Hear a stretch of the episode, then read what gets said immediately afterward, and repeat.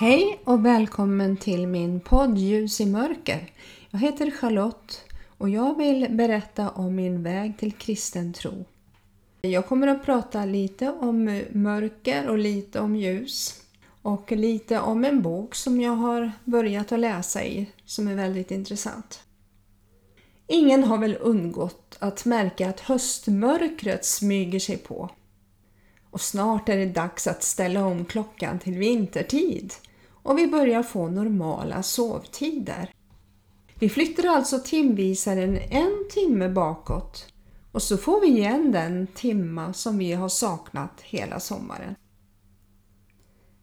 Det finns sådana som är rädda för höstmörkret. Kanske mörker överhuvudtaget. Då blir det så naturligt att tända ljus, alltså levande ljus, när hösten kommer. Om ni minns mitt första avsnitt så berättade jag att det blev strömavbrott när jag var liten och jag tyckte det var så läskigt. Och sen när vi tände upp ljus i mörkret så kändes det så skönt och vi kunde röra oss fritt utan att stöta emot möbler och trampa på kattassarna. Ja, vi hade en katt och hon hette Sessan och som fick kattungar helt plötsligt. Ingen av oss barn hade förstått att det skulle bli förrän de ploppade ut. När jag var liten så var jag hos mormor och låg över natt på sommarlovet. Jag vet att jag låg och räknade slagen i den stora klockan på väggen. När jag hörde elva slag så visste jag att nästa gång slår den ett slag och då är klockan halv tolv. Sen blir det tolv slag och då vill jag inte vara vaken. Jag låg i en utdragssäng i vardagsrummet och lyssnade efter alla ljud. Jag kunde höra morfar snarka och det var så svårt att sova. Det var så populärt när jag var liten och även i tonåren att berätta spökhistorier bland kompisarna. Sånt låg jag och tänkte på och jag kröp längre och längre ner under täcket. Men sen kom jag ihåg tavlan med den gode herden på väggen och då kände jag mig lite lugnare. Jag låtsades att jag var det där lilla lammet som låg på Jesu axel och då kände jag mig trygg. Tidigt på morgonen så var det så mysigt att ligga i sängen och lyssna till tuppen som gol uppe i hönshuset. Morfar var uppe tidigt och mjölkade korna. Vid fem tror jag det var. Mormor mjölkade också korna men det var innan de skaffade mjölkmaskiner. Jag minns mormor att hon satt på en pall i lagården och mjölkade för hand. Jag ville också göra det, men det gick inte så bra. Under tiden som morfar var i lagården så eldade mormor i den stora järnspisen och kokade sedan gröt till oss. Då hade morfar med sig spenvarm mjölk. Jag tyckte det både luktade och smakade äckligt. Mamma hade i alla fall riktig mjölk hemma tyckte jag. Morfar ville också ha sin egen honung på gröten. Han hade några bikupor och slungade själv honungen i brygghuset. Jag har så fina minnen från när jag var hos mormor och morfar. De gjorde så starkt intryck på mig eftersom de hade en sån levande tro på Gud och Jesus.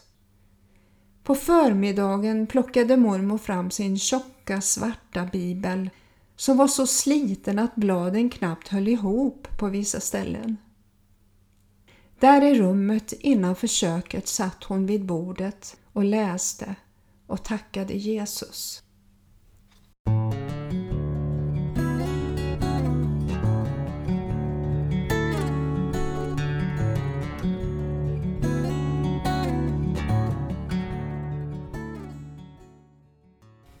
Den här podden heter Ljus i mörker och det jag vill fokusera på är ljuset.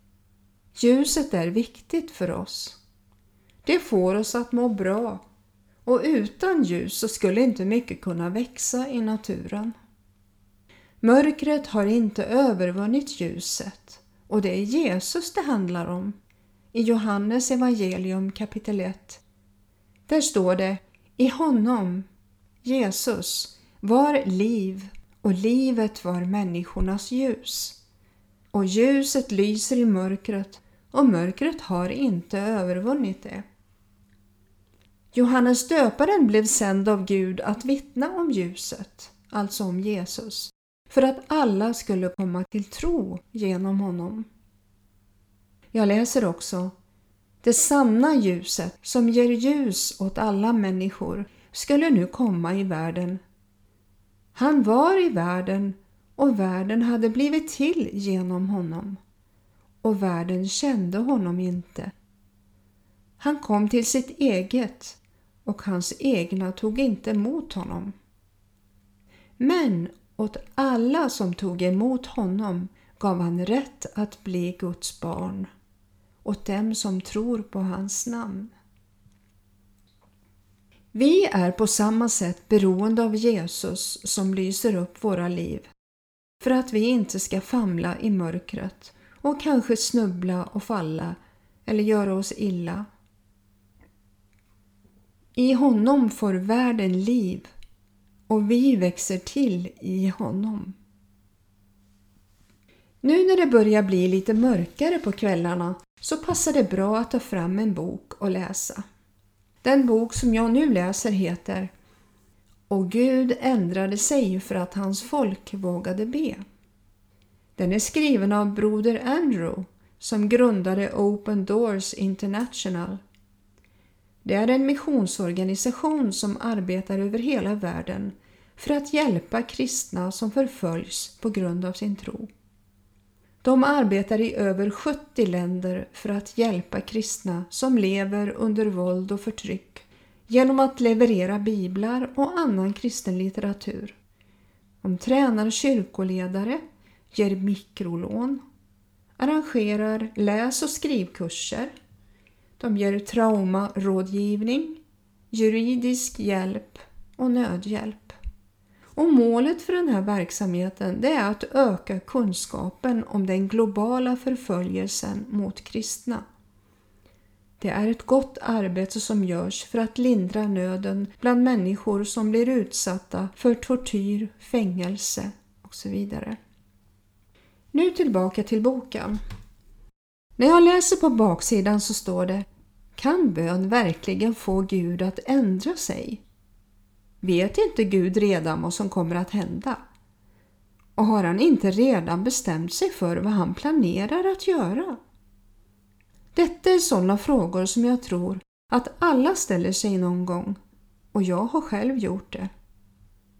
Andrew tar upp bibelställen som ger oss insikter och praktiska råd om att bön faktiskt kan förändra både världen och även oss själva.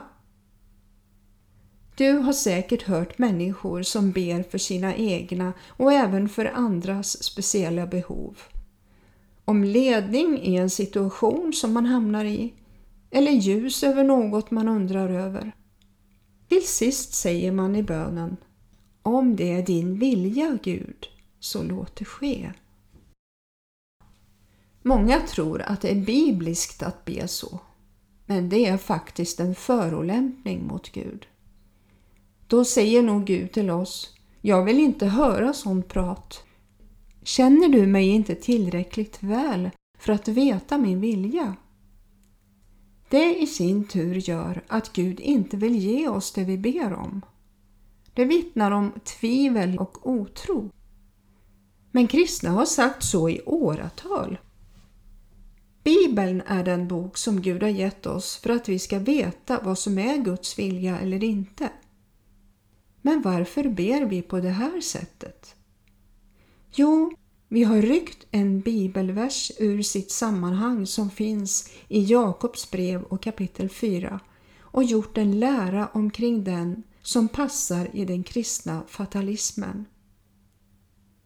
Nu undrar du kanske vad fatalism är, men det är att man tror på ett förutbestämt och oundvikligt öde. Den vers som det syftas på handlar om en tillrättavisning till män som skröt över de framgångar de skulle få i sina affärer. Jakob skriver då att de inte ens vet om de kommer att leva om ett år. Istället borde de säga om Herren vill kanske vi gör det och det nästa år.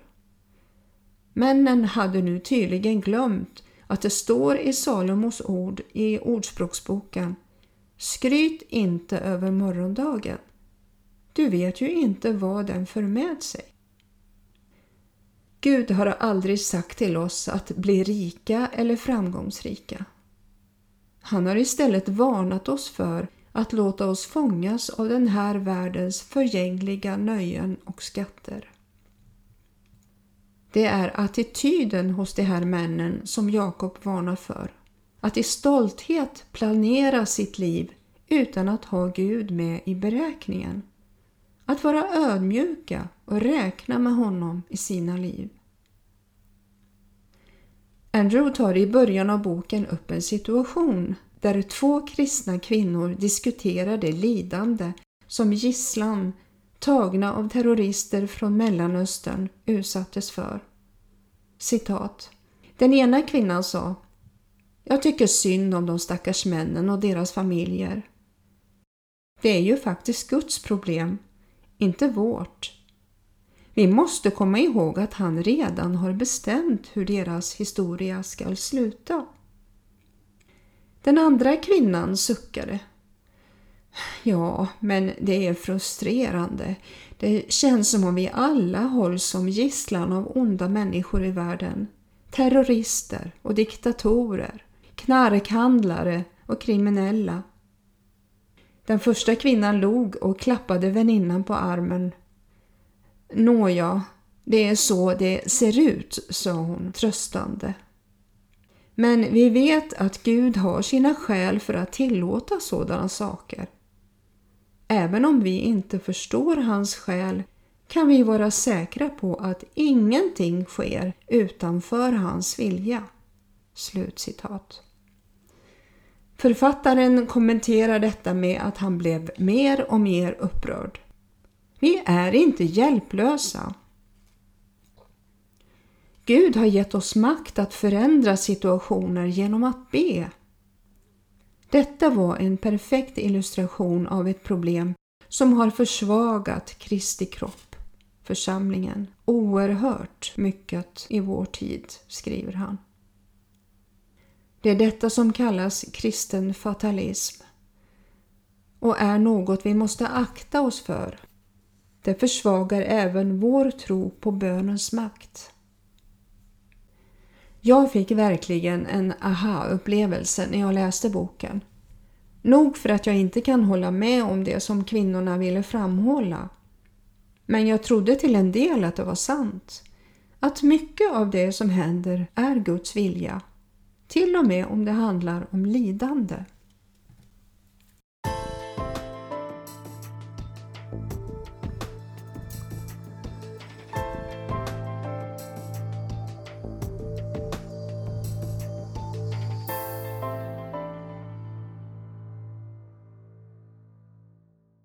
Jesus var verkligen en empatisk person när han mötte människor som led.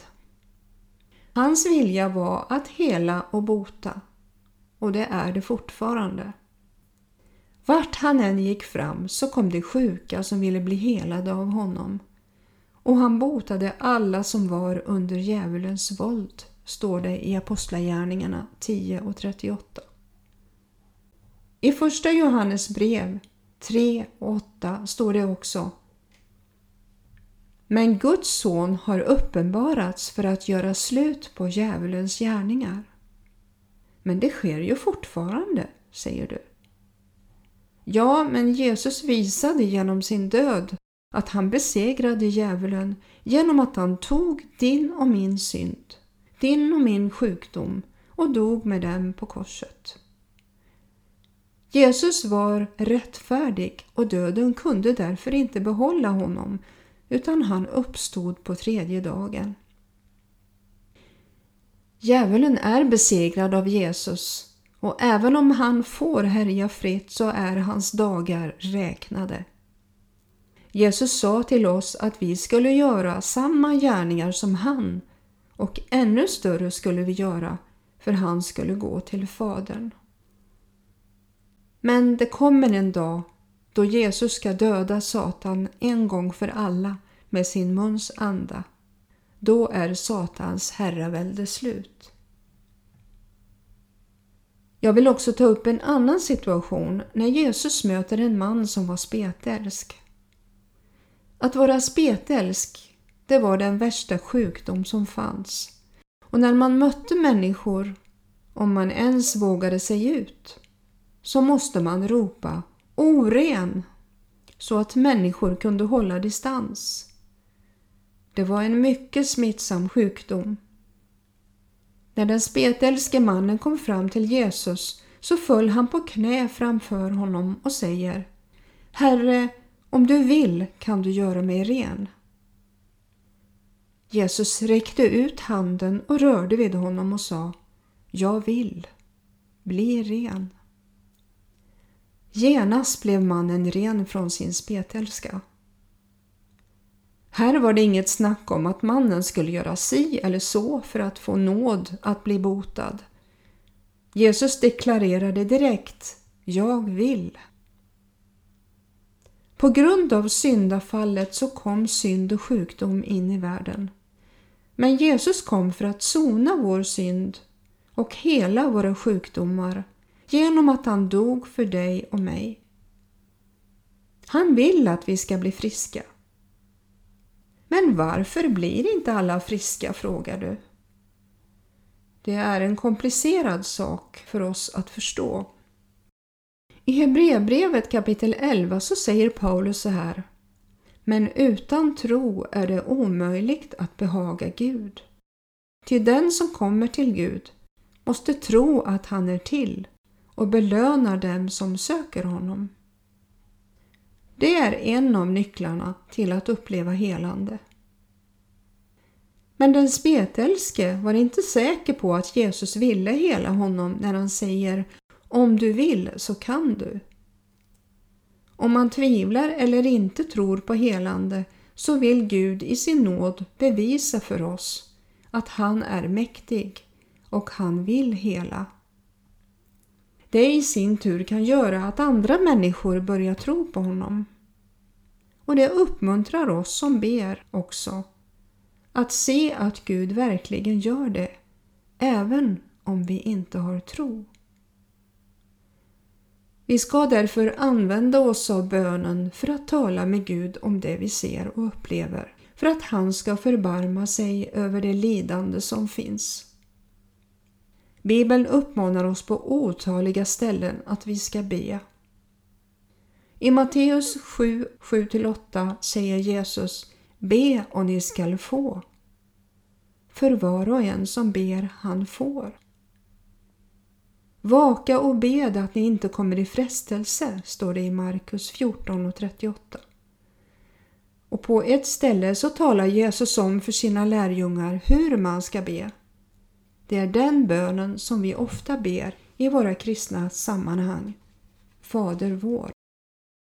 Den står i Matteus 6 och 10.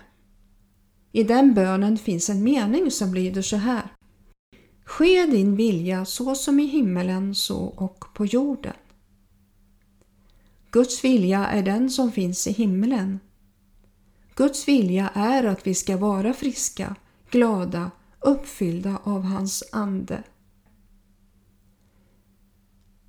När Jesus var i ett semane så bad han om det inte är möjligt att slippa denna bägare utan jag måste tömma den, så låt din vilja ske. Det står i Matteus evangelium kapitel 26 och vers 39 och 42. Många tror att Jesus med rätta sa Fader, jag vill inte dö på korset, men jag gör det om du insisterar. Det tror inte jag. Kom ihåg att Jesus strax innan hade sagt om korsfästelsen. Ska jag be Fader, rädda mig från denna stund? Ändå är det för den stunden jag har kommit. Johannes evangelium kapitel 12 och vers 27. Jesus skulle aldrig vara bestämd över att först säga att han skulle bli korsfäst och sen göra en helomvändning och be Gud att få slippa. Bägaren som han ville slippa var en för tidig död i Getsemane som skulle orsakas av det sataniska tryck som fick honom att svettas blod när han själv var så djupt bedrövad ända till döds. Jesus visste att om han dog där i Getsemane så skulle han inte dö på korset som det var meningen att han skulle göra.